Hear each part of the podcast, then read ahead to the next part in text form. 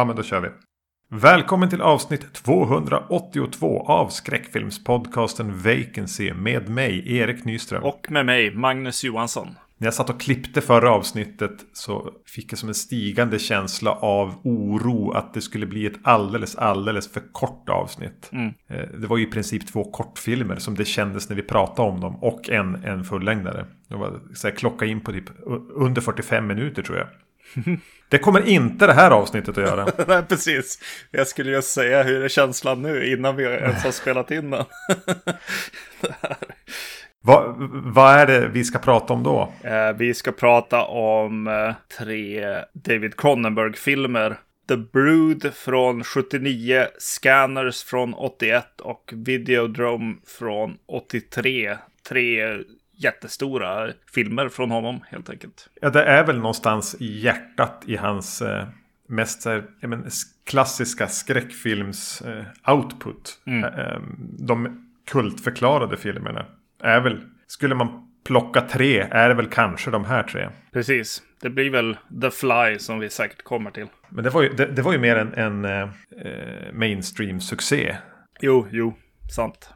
Det här, det här kan bli en sån här pinsam gubbig upprepning av något vi pratade om. När vi kanske pratade om Shivers och Rabid. Mm. Men jag har alltid haft känslan av att du har varit otroligt ointresserad av att se Cronenberg-filmer.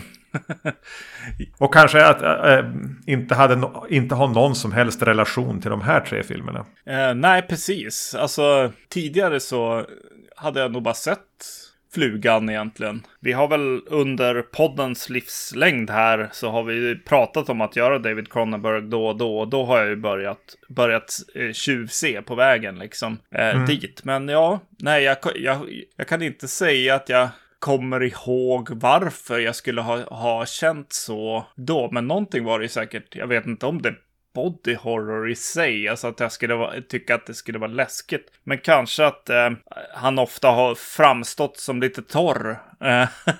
Eh, och in, inåtvänd på något sätt som har, som har gjort att det, det har varit lite, liksom lite svårt att ta sig an.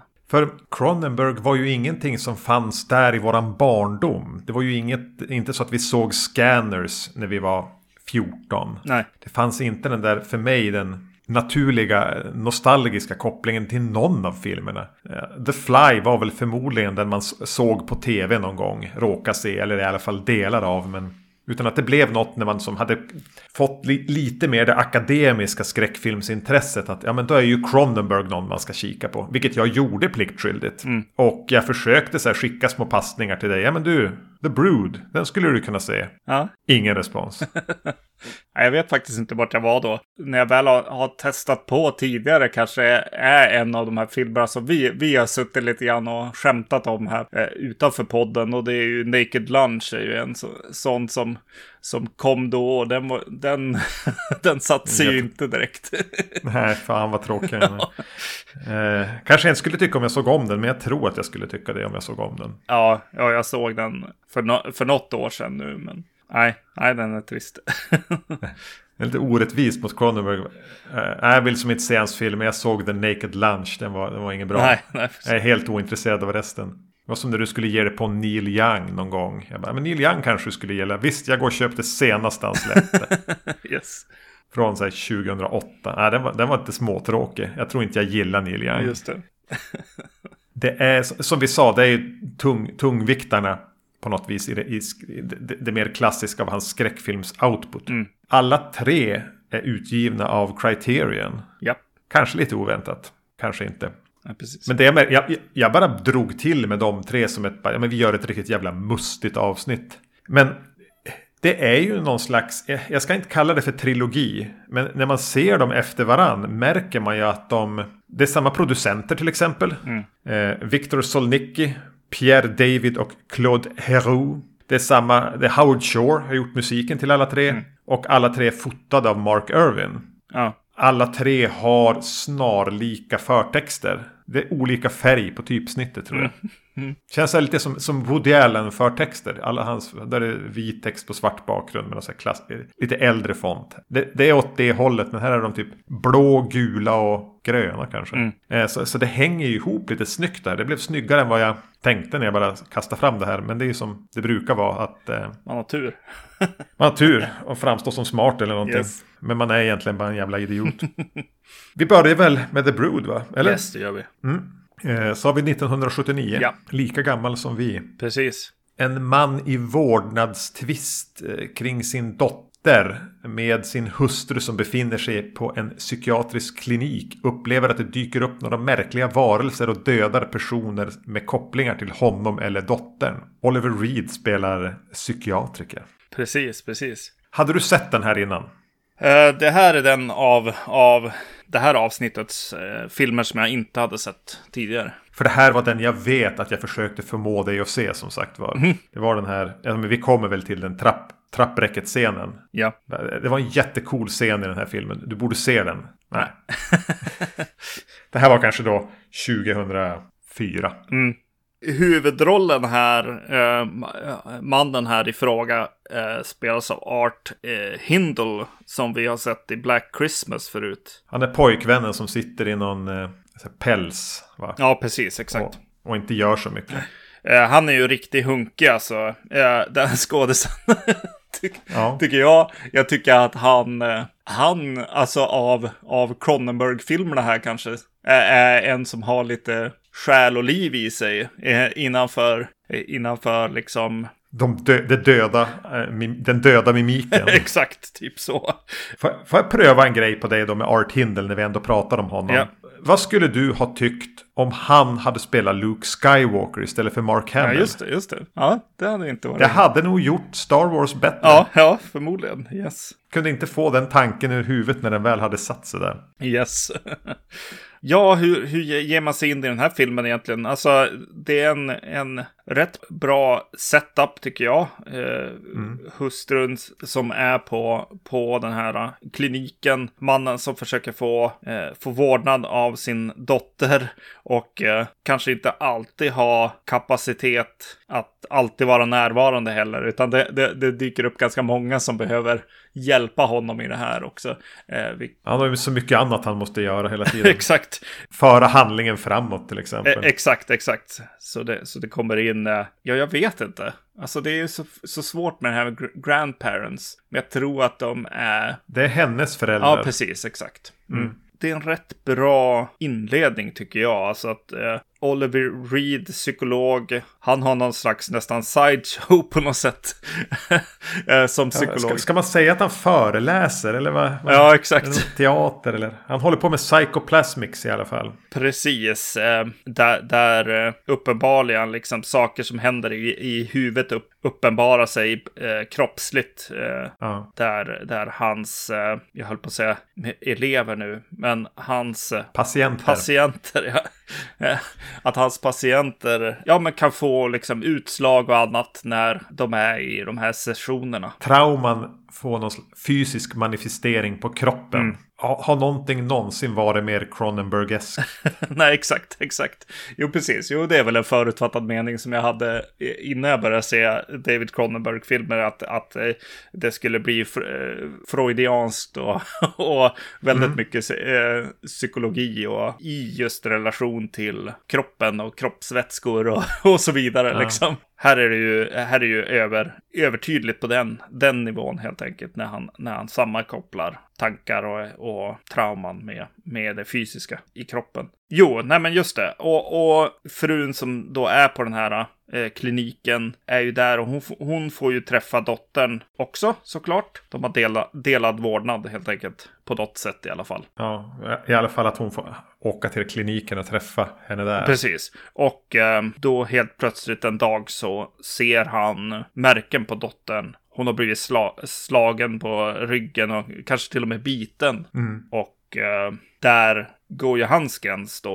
och där han försöker rädda sitt, sin dotter från hennes mamma då. Som, som mm. han antar är är bo, äh, skurken här. Tydligen skrev Cronenberg den här när han själv befann sig i en jävligt plågsam vårdnadstvist. Mm. Så det här är väl lite hans e lite egen terapi. Den plockar ju några poänger där som tyvärr har varit faktiskt eh, verklighet än fram i våra dagar. Alltså en förhärskad mening av att mamman faktiskt har en fördel i vårdnadstvister. Mm. Har blivit bättre senaste kanske 10-15 åren. Ja. Men, men det, har, det har funnits en, en uppfattning i, i, egentligen både i, i hur eh, domstolar dömer och hur folk ser på det. Att ja, men mamman är viktigare för ett barn. Mm. Men även eh, något som jag har stött på i mitt yrke då inte bara i fråga om vårdnadstvister. Är ju en en psykolog som jobbar med mot en vuxen person. Mm. Eh, vilket ju Oliver Reed gör här och det hans karaktär gör är Raglan. Bra namn. Mm.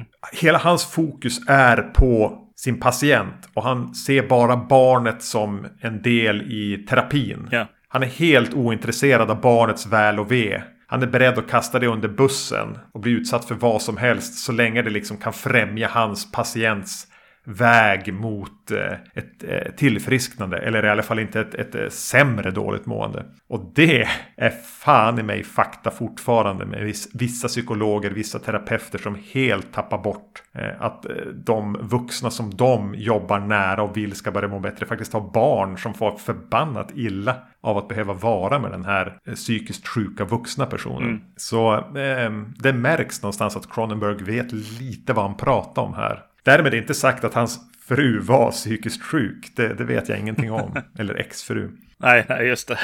om inte annat så tänker man att man det ska inte vara kul att leva med Cronenberg och kanske framförallt inte att försöka skiljas från honom. Mm, nej. Jag tycker att det är snyggt, snyggt eh, jobbat in med, med henne också, mammans eh, frånvaro från filmen. Att bara vara någon som det pratas om ett väldigt mm. långt tag in i filmen tills vi väl eh, får, får möta henne. Jag tycker det är väldigt snyggt, snyggt grepp helt enkelt. Mm. Att eh, bygga upp mot någonting. Alltså till slut så började jag, jag till och med, men vart är hon då? Får jag se henne snart eller liksom?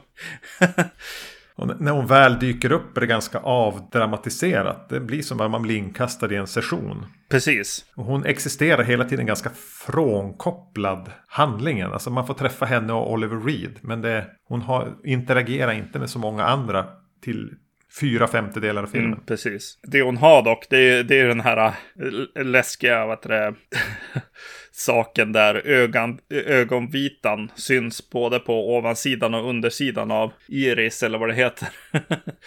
Jaså? Det är väl, väldigt så här stora, stora, stora ögon. Samantha Egger är det som spelar mamma. Just det. En brittisk skådis. Mm. Mm, hon, hon kan man se i andra skräckisar också. Curtains och The Exterminator och, och lite sånt. Men du, det, det, det, dyker ju då upp. Eh, det är en... Vem är det som blir mördad först? Det är den äldre kvinnan. Det är mormor, va? Eller? Ja, det är mormor, ja. Precis. Eh, ja, vad skulle du säga? Ja, den dagdrickande mormor som är barn, barnvakt. Jävlar vad hon dricker yes. någon slags spritdryck.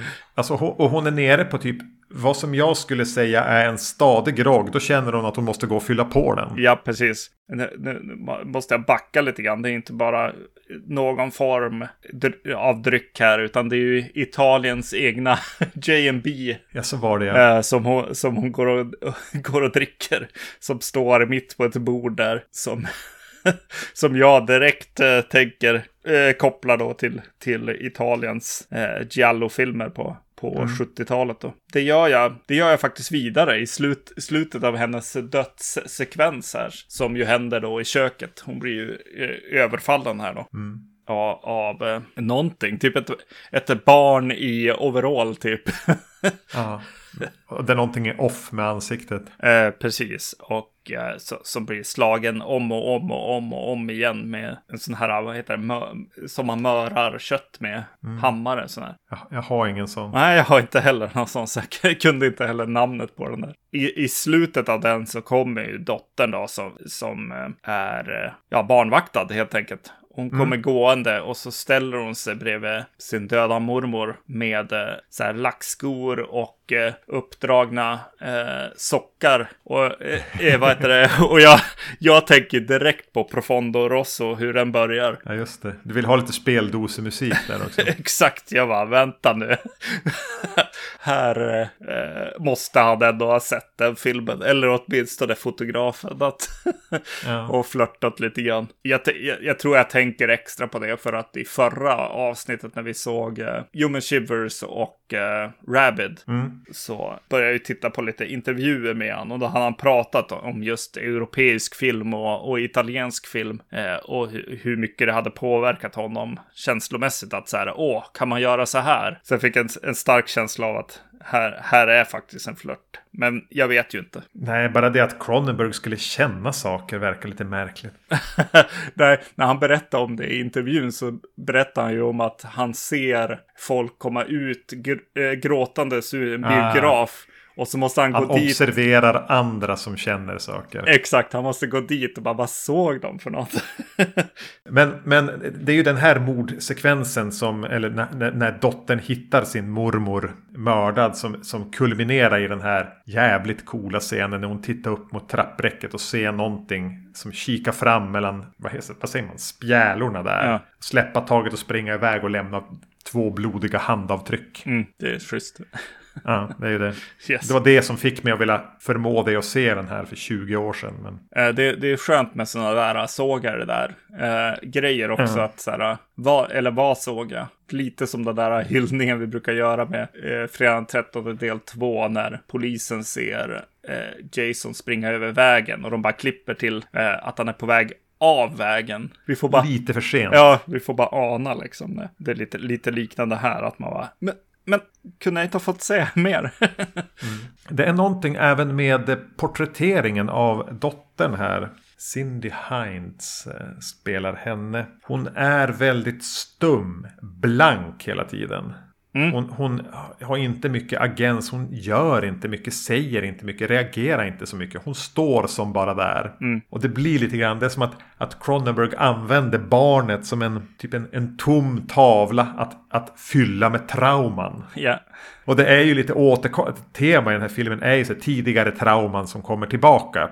Väldigt, eh, ja men Freud, Return of the Repressed och grejer. Eh, men just att, att barnets roll här är bara att bli utsatt för saker som på något sätt ska ge oss tanken att ja, det här, den här cykeln av våld, eh, elände, ohäl psykisk ohälsa kommer inte att sluta här. Utan vi har ju ett, ett nytt barn som har blivit utsatt för sina trauman som kommer att påverka henne i resten av hennes liv. Ja, exakt. Och det är väl därför man visar mormor, mormor och morfar också att de, hur de har påverkat eh, Exakt. den här mamman då som sitter på kliniken. För det är ju mycket av det som hon pratar om också där. Den här daydrinking-grejen är ju inte bara, inte bara ett eh, skämt. utan, Nej, eller så här, det var så man gjorde på film. nej, precis. Utan, Dal- Suellen-grejen. nej, precis. Utan, utan eh, Cronenberg vill ju berätta någonting här, helt klart. Men hela atmosfären i The Brood, alltså i hur den ser ut, eh, hur te- texturen, hur den känns, alltså med modet med de här lite glansiga, tajta täckjackorna och alltså sen höst, tidig vinter i ett Kanada med Howard Shores härliga musik. Den sena 70-talsstämningen, den är, den är otroligt behaglig att vara i som film. Som en filmvärld. Så är ju, här trivs jag väldigt bra. Ja, Eh, Och hans, som jag tjatade om i både Shivers och Rabid. Hans fixering vid arkitektur och inredning. Det kanske pikar här.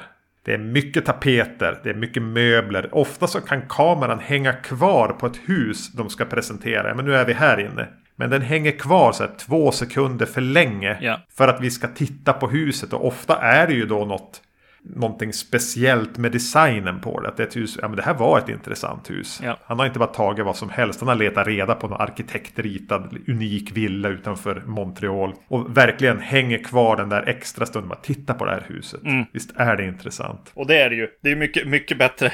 jag jag har skrivit, skrivit eh, kommentaren. Eh, gillar klinikens fasad mycket bättre än i Rabid.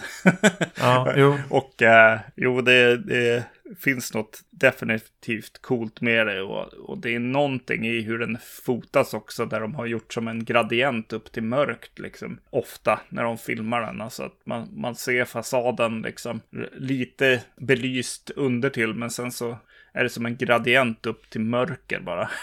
Ja. som jag gillade. Det är ju ett snäpp upp i foto från de här två Rabbit Shivers. Alltså det, här mm. är, det finns lite mer pengar. Jag vet inte om Irvin fotar någon av dem, det törs jag inte uttala mig om. Men att det, det, har, det finns en lite mer genomarbetad, påkostad foto och scenografi här. Det är lite dyrare. Mm.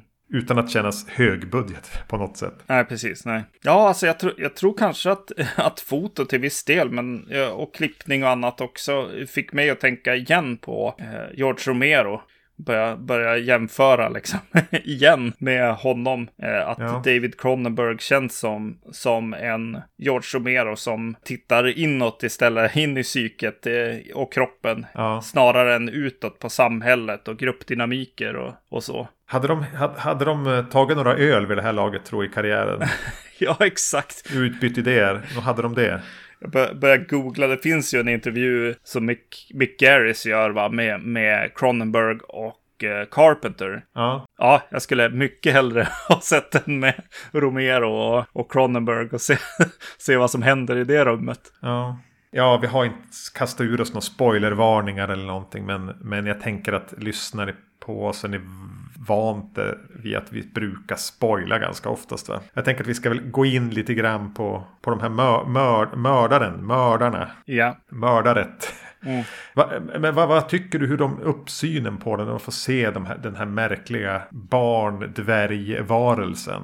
Fungerar det? Jag tycker själva effekterna inte, inte är där riktigt. Eh, utan, utan det är något, något lite så här, jag får, jag får köpa vad det är snarare än, mm. än faktiskt eh, känna det på något sätt. Men jag tycker att han jobbar så pass eh, mycket in i historien och storyn och ända från, från ruta ett med, det här, med de här utslagen som någon får. Eh, och sen så får vi ju möta, oj nu har jag inte inte namnet på den skådisen, men han som dyker upp i, i alla hans filmer, känns det som. Ja, Robert Silverman. Just det, precis. Eh, Med Jason X också, kan vi eh, säga, så blir Emil glad. Eh, exakt. Han är ju med i en scen som, har, eh, som en före detta patient som, eh, so, som för en legal action. Mot... Ja, just det. Han har advokater och jag ska stämma Oliver Reed. Precis, precis. Han visar ju då, då eh, no, någon, någon utväxt som han har under hakan som eh, någon slags cancer som han har fått av, av den här terapin. mm. Som har man, manifesterat sig helt enkelt. Det jobbet som man gör för att komma till, till de här uh, i täckjackorna. Täckjacksbarnmonstren. Mm. I overallerna. Det, det är ju gediget och det gör ju att jag, jag, jag definitivt med filmen när, när de dyker upp och jag, jag, jag är rätt såld. Jag bara yes. och och då, då, han låter mig lösa gåtan och det är okej okay också. Jo, eh, den bygger ju upp. Ja, men jag håller med dig. Mm. När man får se för mycket av ansiktet på dem. Nej, det köper jag inte riktigt. Nej. Men man köper dem som koncept så pass mycket att, att det är okej. Okay. Mm. Och när revealen kommer här med, med när Art Hindle träffar på sin hustru. Eh, liksom det avslöjas att de här barnen är ju någon slags fostertumörer som är hennes traum, manifesteringen av hennes trauman. Mm. När hon liksom visar det genom att lyfta på den här klädnaden. Mm. Eh, säga vad man vill om effekten eller någonting. Men det är just någonting med hur det byggs upp och hur de säljer det som gör att det blir det blir, det, det blir effektfullt. Ja. Och att det som kopplas samman med att någon tvingas konfronteras med någon annans ångest eller någon annans innersta mörker. Någon som han har levt nära men inte klarar av att se. Och nu egentligen är på kollisionskurs med ordentligt och då måste se och det blir kanske en slags motvillig förståelse där. Det, det händer mycket där trots att det är liksom en massa latexbubbel eh, och äckel och så mm. samtidigt i en ganska så här, halvlökig effekt. Men, men det finns så mycket i den att, att, att som koncept så går det inte riktigt att värja sig.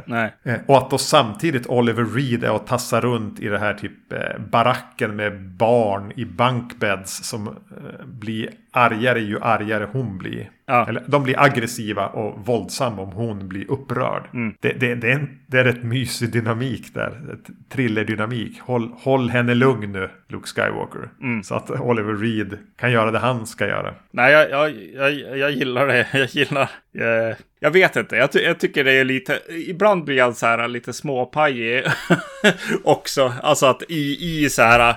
Åh, jag, mitt, min förutfattade mening om att han tycker att han är rätt smart. Så när han använder ganska tydliga och enkla sätt att förklara saker på så blir jag lite så här små eh, besviken eller jag vet inte vad som händer men, men jag tänkte mest, mest på när de har den här obduktionen på ett av barnen som de har där och han säger liksom ser ni det här ah, väldiga konstiga defekten som det här barnet har? Och så bara ja den har ingen navel. Det är ett ofött liv jätteroligt koncept och jag, jag gillar ju liksom tanken och, och, och, allt med det. Men det är någonting med så här, ja, jo, det, det är som smart och inte samtidigt. Men, men, men lägg, då, lägg då på rastret att här gör han upp med sin exfru. ja, Det tillför någonting ändå, gör det inte det? ja, Det känns, prata så mycket om The Brood och bara nämna Oliver Reed vid namn lite hastigt sådär. Här är han väl när han har gått in i sitt eh, alkohol är viktiga, det viktigaste delen av sin karriär, vilket väl var 90% av den. Men han har lite lämnat sitt seriösa skådespel bakom sig och hoppat på grejer. Eh, han kör sitt klassiska viskskådespel. Ja. Och det, det är ju lite svårt att värja sig. För han är så jävla karismatisk. ja, verkligen. Och då kommer frågan, hur gammal var Oliver Reed när han gjorde The Brood? Ja, nej. Ja, det kommer vara väldigt ung, gissar jag Ja. på. Inte väldigt ung, men han var 41. Ja, okej. Så han var ju ändå avgjort yngre än vad vi är. ja, ja, ja. Och jag vill, återigen, som jag sagt säkert 200 gånger på de här 282 avsnitten, tro att jag ser yngre ut än vad han gör i den här filmen. Just det, just det.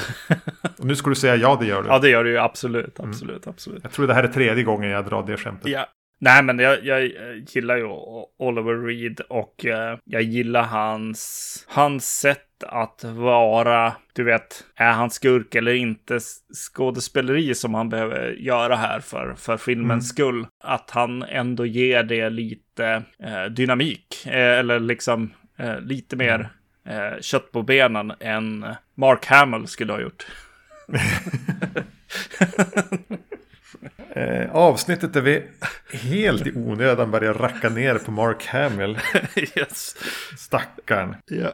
Jag tycker nog väldigt bra om The Brood. Alltså jag, jag tyckte om den. Jag följde ju med den här uh, huvudrollen och sidokaraktärer så pass mycket att så här, uh, jag tyckte att det var uh, jobbigt när, när Ja, nu helt plötsligt så spoilar jag inte. Men när en kvinna som dyker upp i, i, i filmen Ska, ska dö helt plötsligt. Jag tyckte det var oschysst. Jag bara nej.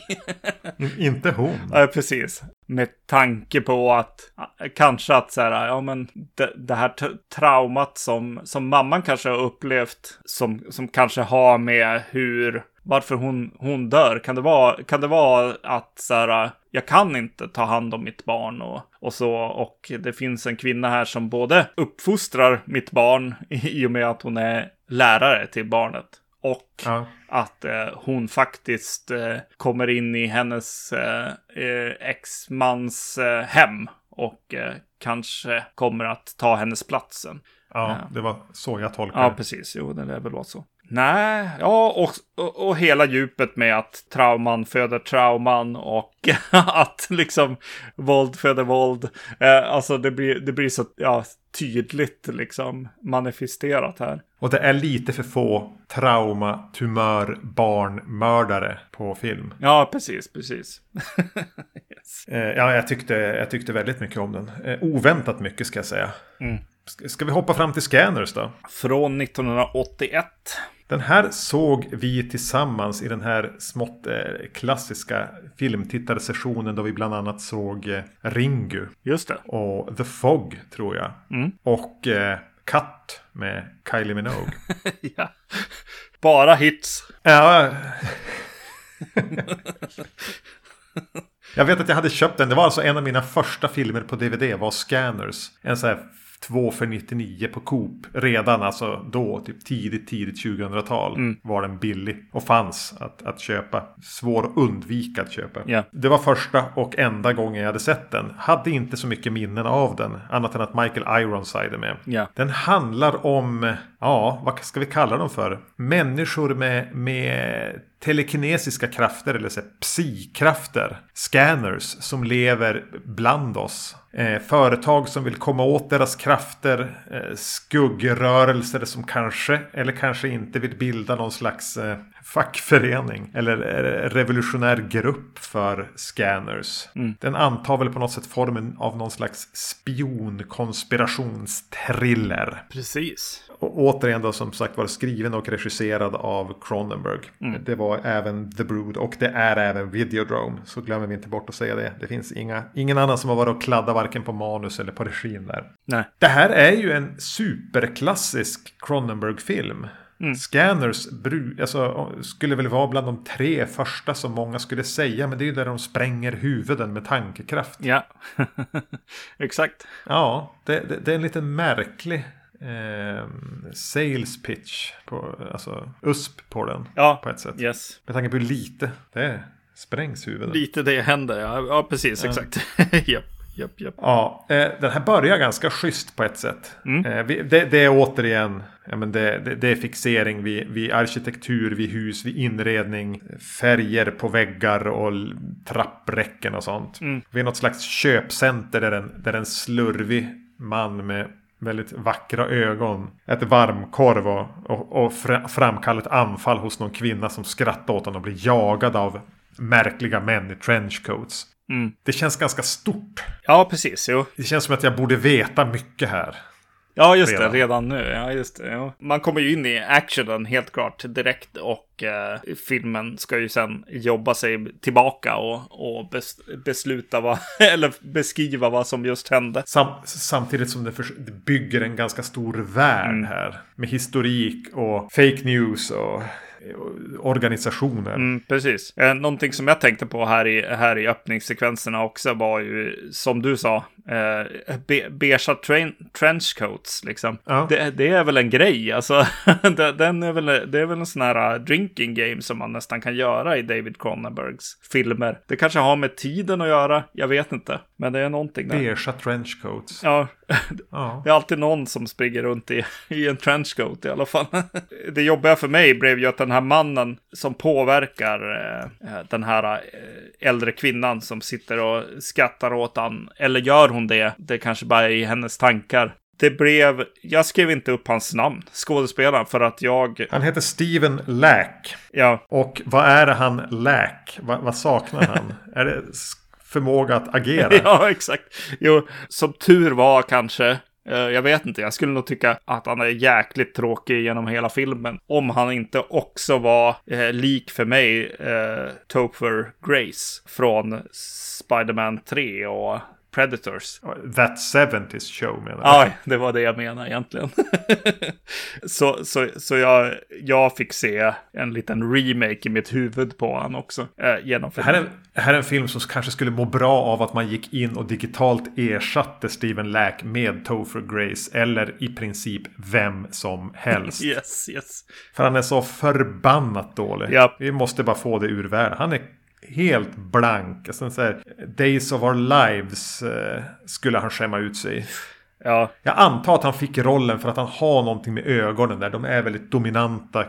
Har en klarblå färg eller vad det nu är. Det är någonting med hans ögon som ju blir viktig när han gör sina scannergrejer. Eh, eh, min, min fru satt bredvid mig och sa, men det är ju han från, vad heter det, Spa- eh, Superman Returns. Och det, det är kanske mer spot on eftersom att Topher Grace ibland skådespelar och, och, och kan vara bra i saker och ting. Men ja, nej, alltså han är riktigt träig och tråkig alltså. Men han får ju, han får ju en person som liksom driver honom genom, genom filmen här istället då. Eh, som är en, den här skäggiga snubben som eh, kommer in och förklarar bakgrunden till vem är han och så, så vidare. Någon slags professor. Vad är det? Patrick McGowan. Ja, just det, precis. Eh, som, som ju får dra, dra istället liksom i de scenerna där, där det behöver ageras.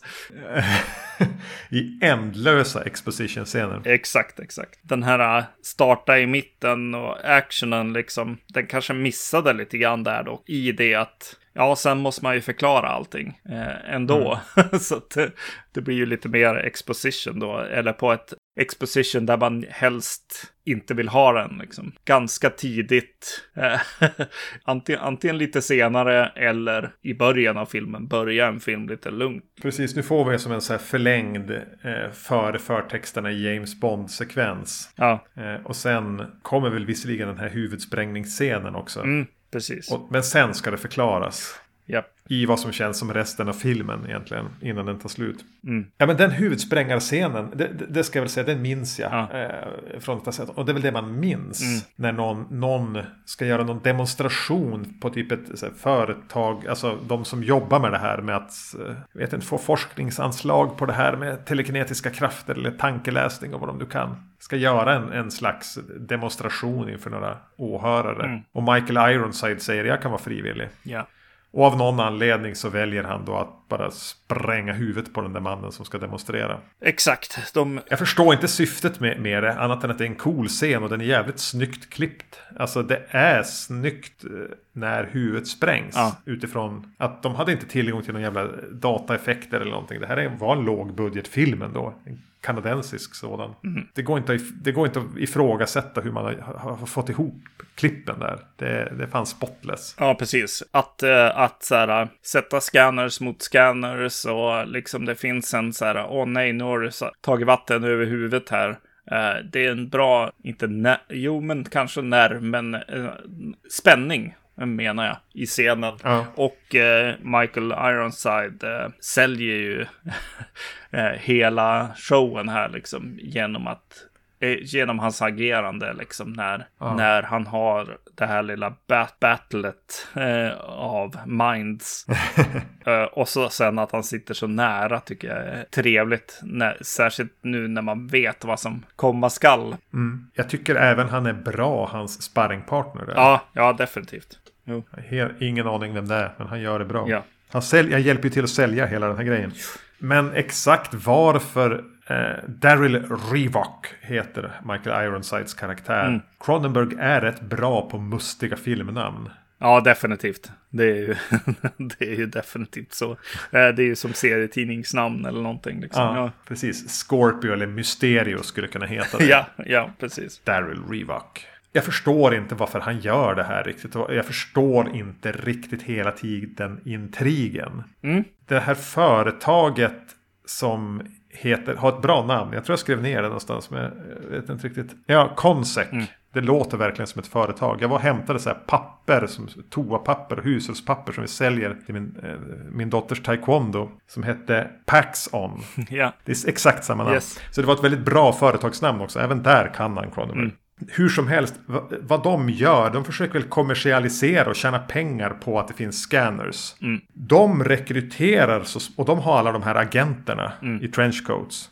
Reebok vill, vad man först tror, förgöra dem. För han tillhör den här anarkistiska, rebelliska rörelsen med lite ondsinta scanners som inte vill låta sig tyglas. nej. Så då anlitar hit, eh, ledda av Patrick McGowan, då den här forskaren, våran huvudrollsinnehavare, att försöka infiltrera och ta reda på Revok. Mm. Men, nu är vi inne på spoiler-territorier, det visar sig att Revok jobbar tillsammans med någon inom Consec.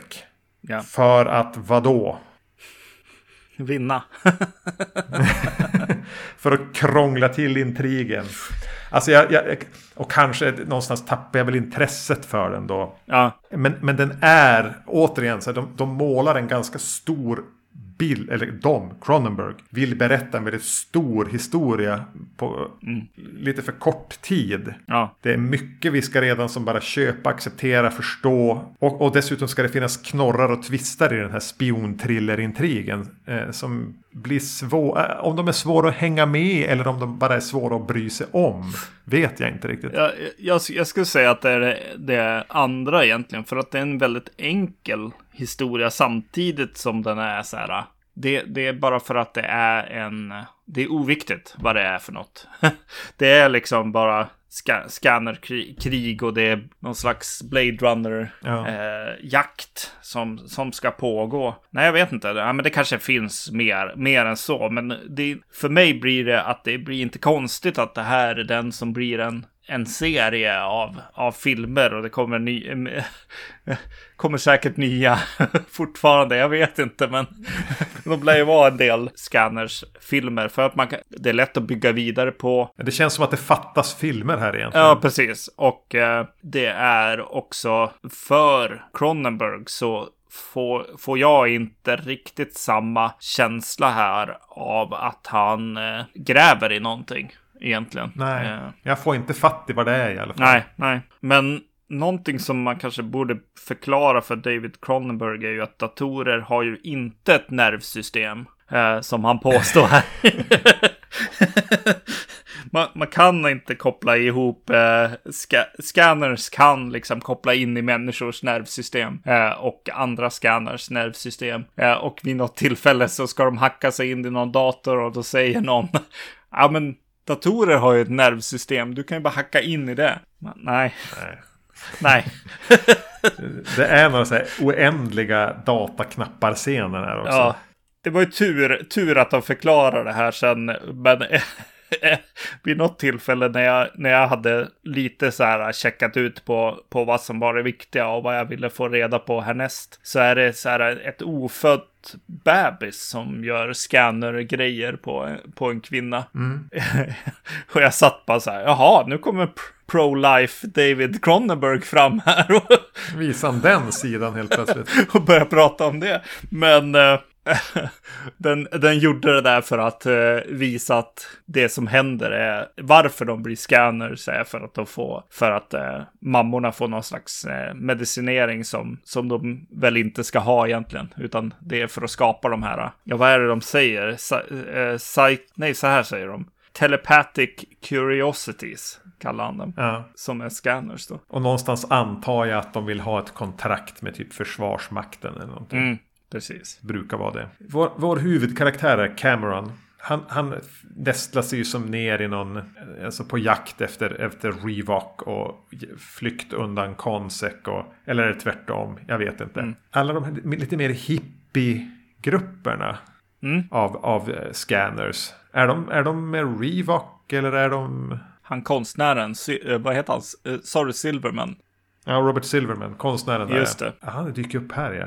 Han dyker upp när David Cronenberg behöver en jävligt Kompis. kul och spännande scen att titta på bara. Jag, jag, jag tänkte lite grann, man tänker lite grann på, på John Malkovich i hur han tar eh, sig an eh, bioduken. Och vad heter han? Heter han Bill Mosley? Ja, just det. Mm. Någon slags mix mellan dem. Eh, ja, men han är intressant att titta på. Det är synd att han inte har... Eller det kanske är just därför att han fungerar. Att han får ha de här alltså, förhöjda cameo. Alltså enscens inhoppen. Med, med sin blöta comb-over och... Precis. Jo. Ja men han hör ju som till, han är någon konst, någon slags eh, scannerkonstnär. Och så blir de ihjälskjutna av de här, vilka nu de jobbar åt, det har jag glömt. Är det, är det Reeboks Ja, det är folk? Reeboks. Ja, precis. Så varför, han dödar vissa. Ja. Ja, jag ska, vi, vi följer inte med ner i det här. För det, är inte viktigt, det är inte intressant. Eh, Frågan är vad som är det. Mm. Jag tycker inte att telepati och liksom så här något slags mentalt krig liksom och så här åh, om jag tänker hårdare än dig så kommer jag vinna liksom. Eh, det, det finns ingen spänning i det världsbygget ens en gång skulle jag säga. Ja, det är inte så cinematiskt heller. Alltså, vem kan pressa fram flest svettpärlor i tinningen Ja. vinner. Eh, det, det är svårt att göra intressant. Även om den här eh, huvudsprängarscenen är bra. Ja, det skulle vara det där tredje ögat då som... Men, men det är också lite övertydligt på något sätt. Som Michael Ironside går omkring och har. Där han, där han har försökt stick, sticka hål i huvudet.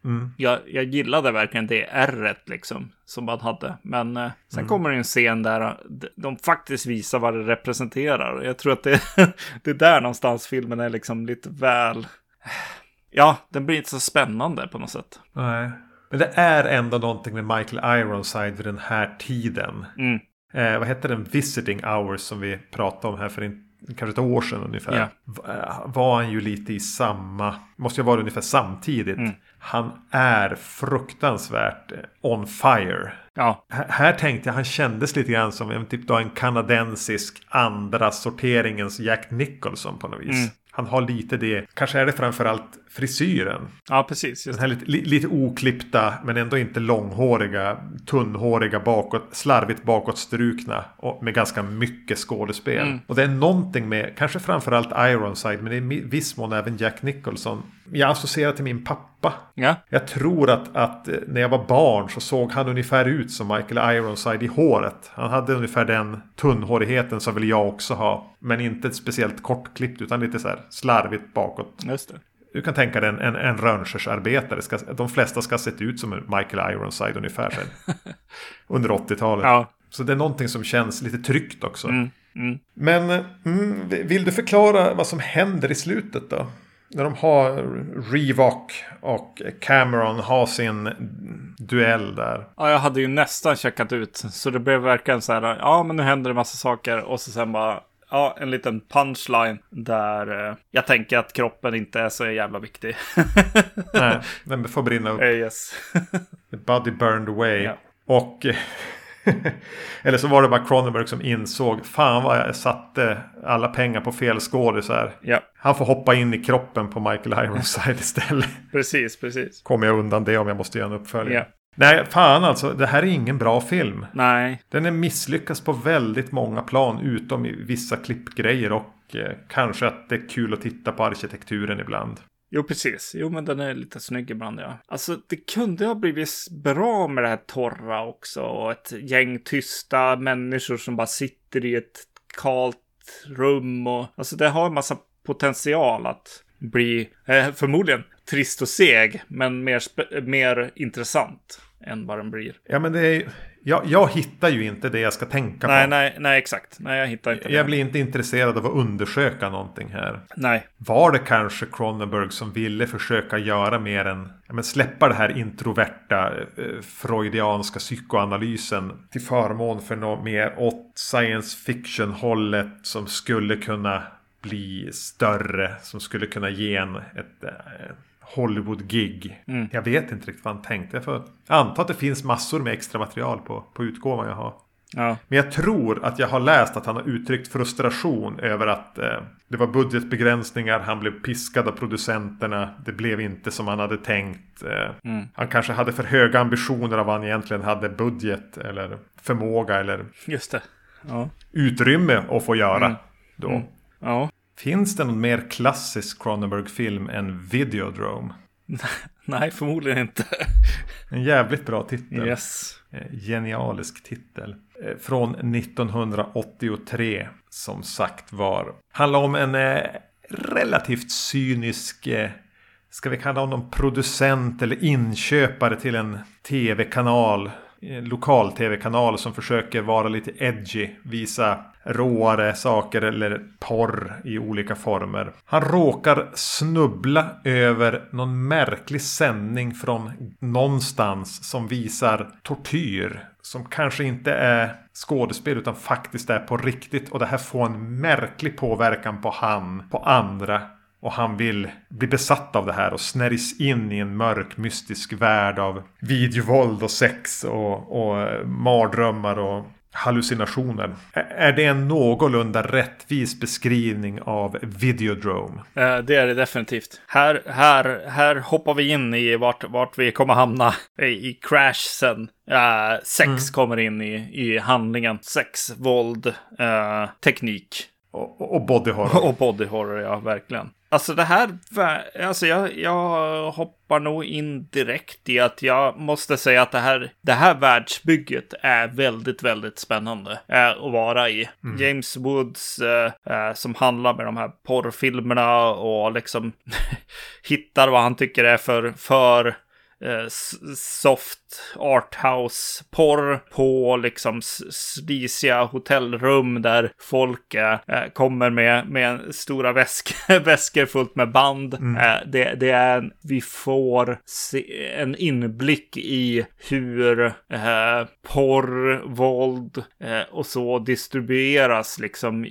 Filmindustrin kanske i stort. Ja, precis, exakt. Cronenbergs upplevelser av den vid den här tidpunkten. Ja, precis. Man, man vet inte riktigt om det är hur, hur han upplever att det är, att det är research som är här eller att det är någon slags. Det går ju liksom inte att göra en film som handlar om videovålds eh, och en mental effekt som den har på, på den som tittar utan att tänka på kritiken eh, mot VHSen, eh, video, eh, videovåldet och eh, porren, att den kommer in i folks, folks hem och så vidare. Liksom. Det, det, är, det går ju inte att, att tänka sig förbi att här är, det, här är det en filmskapare som har gjort skräckfilm, skräck som har, har blandat eh, skräck och sex och den kritik som, som kommer där, därav via recensenter, press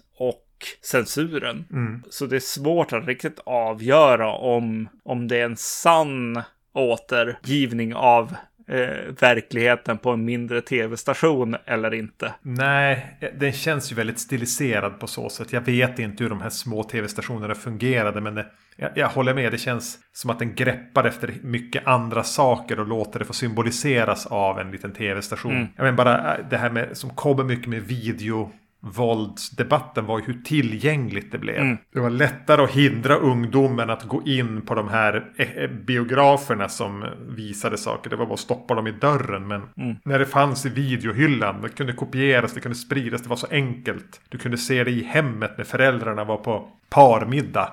Det sprids mycket lättare och även här började ju kabel-tv-fenomenet explodera. Mm. Ja, men bara för att gå in på det som man har sagt det. Cronenberg är ju redan här och känner var, vad som kommer. Han har kanske tur, precis som vi har tur. Alltid när vi gör någonting som i efterhand verkar smart. Men han har ju förutspått internet här. Ja. Han, han, pratar ju till och med om det i den här tv-debatten. Den här, vad heter han? Brian Oblivion. Ja. Som säger, men det är inte mitt namn såklart. Det är mitt tv-namn. Mm. I framtiden kommer alla att ha tv-namn. Yes. Screen names. När de ger sig in för att prata om saker. Yep. Men vad sa du just Cronenberg? exakt, exakt.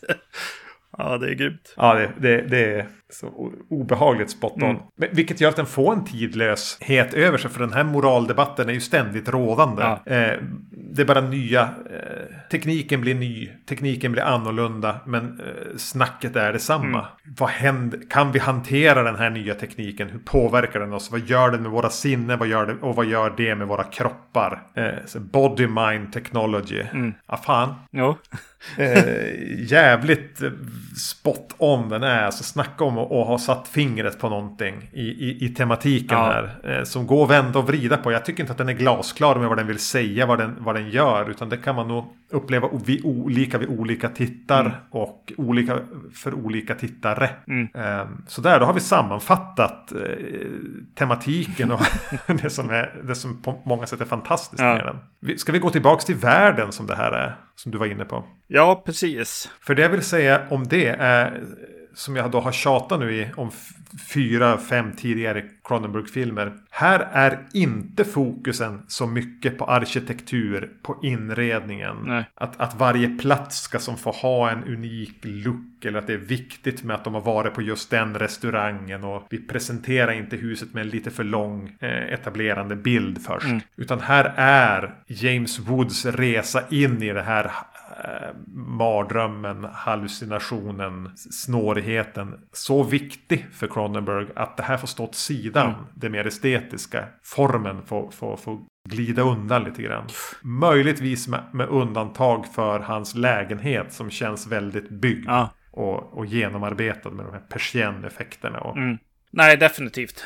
Precis. Det är det, det jag känner när jag börjar se den här att så här, oj, nu, nu får det kliniska bort lite grann. Att, att ja. så här, ja men nu, nu är vi och eh, nere i, i, i smutsen, i, i liksom, i de här sakerna som man kanske gillar.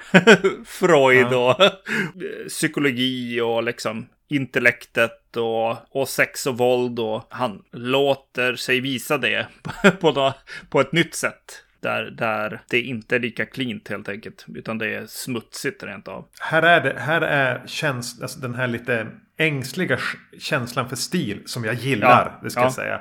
Men här är det bortryckt. Här är det mer rått och naket på något mm. vis. Utan här, här är det bara storyn och idéerna. Och inte så mycket style. Nej, precis. Så istället så nå, någon slags motsägelse här. Mm. Så känns den ju väldigt noir-ish i det. Ja. Trots att det är då en, en, en genre som är väldigt förknippad med stil. Mm. Eh, så är det här en Cronenberg-film med mest nedtonad stil så är det den som känns mest som en film noir. Ja. James Woods karaktär känns ju som den här cyniska kedjerökande Humphrey Bogart-deckaren. Ja. På jakt efter nästa betalning från någon änka eller vad fan det mm. är hamna i någonting där han hamnar långt över huvudet. Får vatten långt över huvudet vad han kan hantera och förstå. Men fortsätter bara för att ja, det är det han gör. Det, han är ju så bra castad James Woods här. Jag brukar skriva liksom eh, i, i, längst upp i mina notes och så här, ja, vem har skrivit, vem har gjort regin, eh, några, några anteckningar om vilka som är med och så. Där skrev jag James Woods från Videodrome. För han är ju väldigt, väldigt bra här och James, oh, oh, eh, James Woods eh, känns alltid för mig. Och jag vet inte om det är för att jag, jag, jag har fått en bild av honom som person. Och jag vet inte vart jag har fått den ifrån. Men, men eh, han känns okontrollerbar, farlig ja. på något vis. Eh, han kan göra vad som helst. Han kan eh, ta över en, en film och säga nej. Vi ska göra så här istället jag gör hur fan jag vill och så smäller han i dörrar eh, och, och skriker åt en regissör. Det, det är min bild av James Wood. Alltså, att när man sätter in han så kan farliga saker hända. Helt enkelt. Jo, en, en knäppgök. Det, det, är väldigt bra att ha med en sån i den här filmen, för det är det som händer honom. Han, han åker ju in i en, eh, ja, den här uh, downward spiral som eh, Nine Inch Nails pratar om. Eh, det, det, det, det, är den här på något sätt.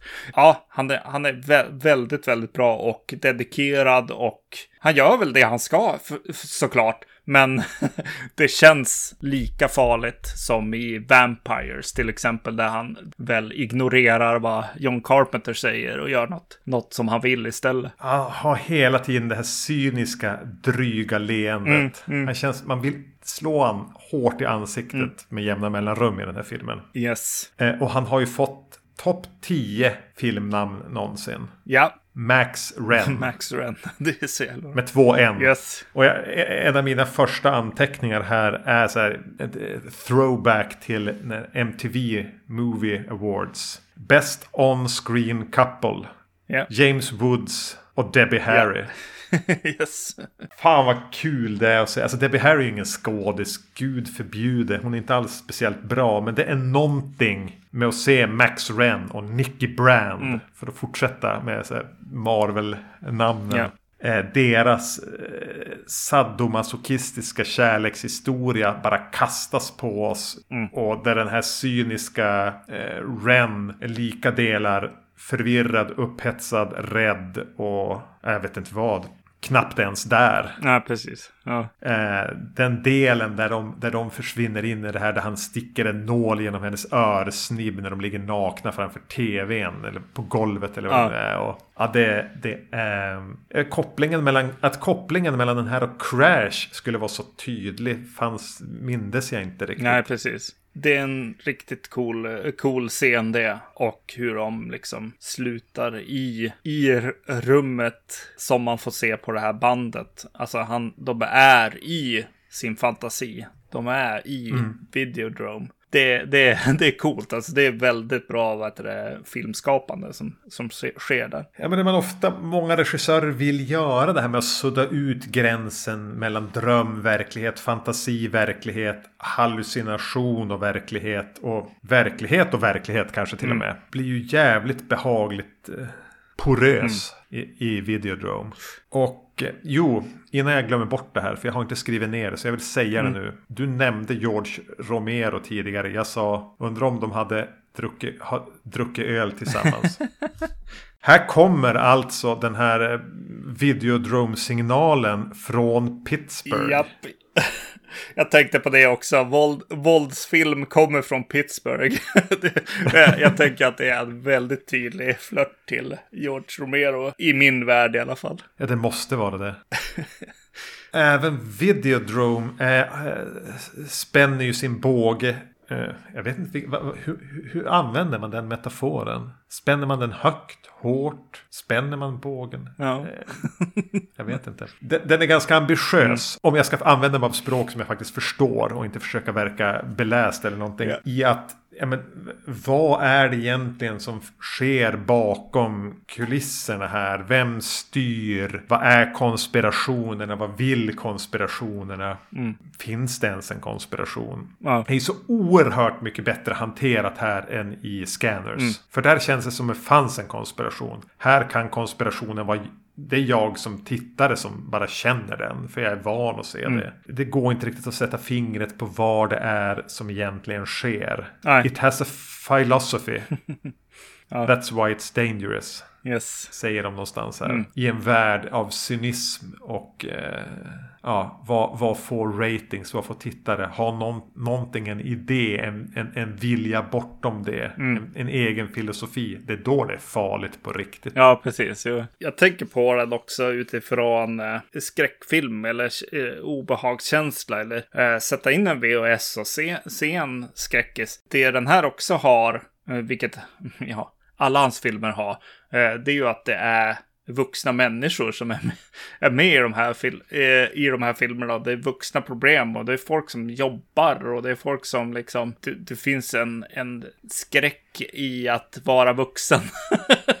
här också. Eh, inte bara vara tonåring som, som springer från en mördare på, på summer camp. Vuxenskräck. Ja, ja. precis. Och eh, varför jag tar upp det här är väl såklart att, att det handlar om just så här ja, men saker som kanske vuxna är lite rädd för. jag vet inte. Det är någonting med, med det här uh, jobbsex-tekniken. Saker springer ifrån en. Det, det är någon slags, uh, jag kan inte kontrollera framtiden. Nej, men precis. Och, och, och, finns det då någon moral jag borde hålla fast ja. vid? Eh, och att ja, livet är ju mycket tommare för Max Ren och, och company här eh, än vad det är för tonåringar. ja. Alltså liksom det vux vuxenlivets tomhet. Ja, det blir ju till slut också att, att filmen hamnar i så här, ja men det är ju video som drog. Och där är vi ju i stor del nu också liksom. Eh, om vi tänker på Netflix och så. Det är bara, eh, den mm. säger åt en till och med efter en, en lång stund att så här, tittar du verkligen nu? eller ska jag, ska jag ta en break? Eller hur, hur är det? Mm. Och det här eh, TikTokandet och alltså bara snabba, snabba saker som bara kommer hela tiden mot en och sådär. Och skräcken, det är det som jag, som det låter som att jag uttrycker nu, är ju närvarande här också. Att så här, kontrollera fram, framtiden på något sätt. Ja, men jag vill ju fortfarande gå på bio. Men bio, det kommer inte gå. det kommer inte gå med TikTok-generationen eller vad man ska säga.